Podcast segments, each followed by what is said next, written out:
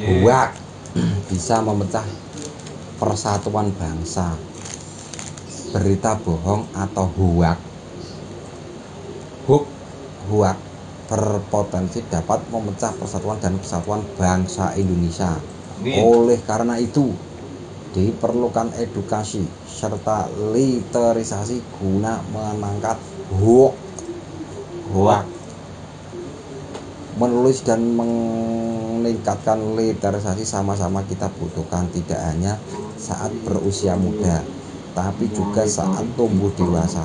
Kata Bupati Kendial hal itu dikatakan saat memberikan pengarahan kegiatan gerakan santri. Hmm. santri santri santri santri santri diwakili Wakapolsek Pegandan itu Agus Wibowo dan jajaran Forkominka Pegandan. Selanjutnya kepada perwakilan Semarang. Kemudian dari jajaran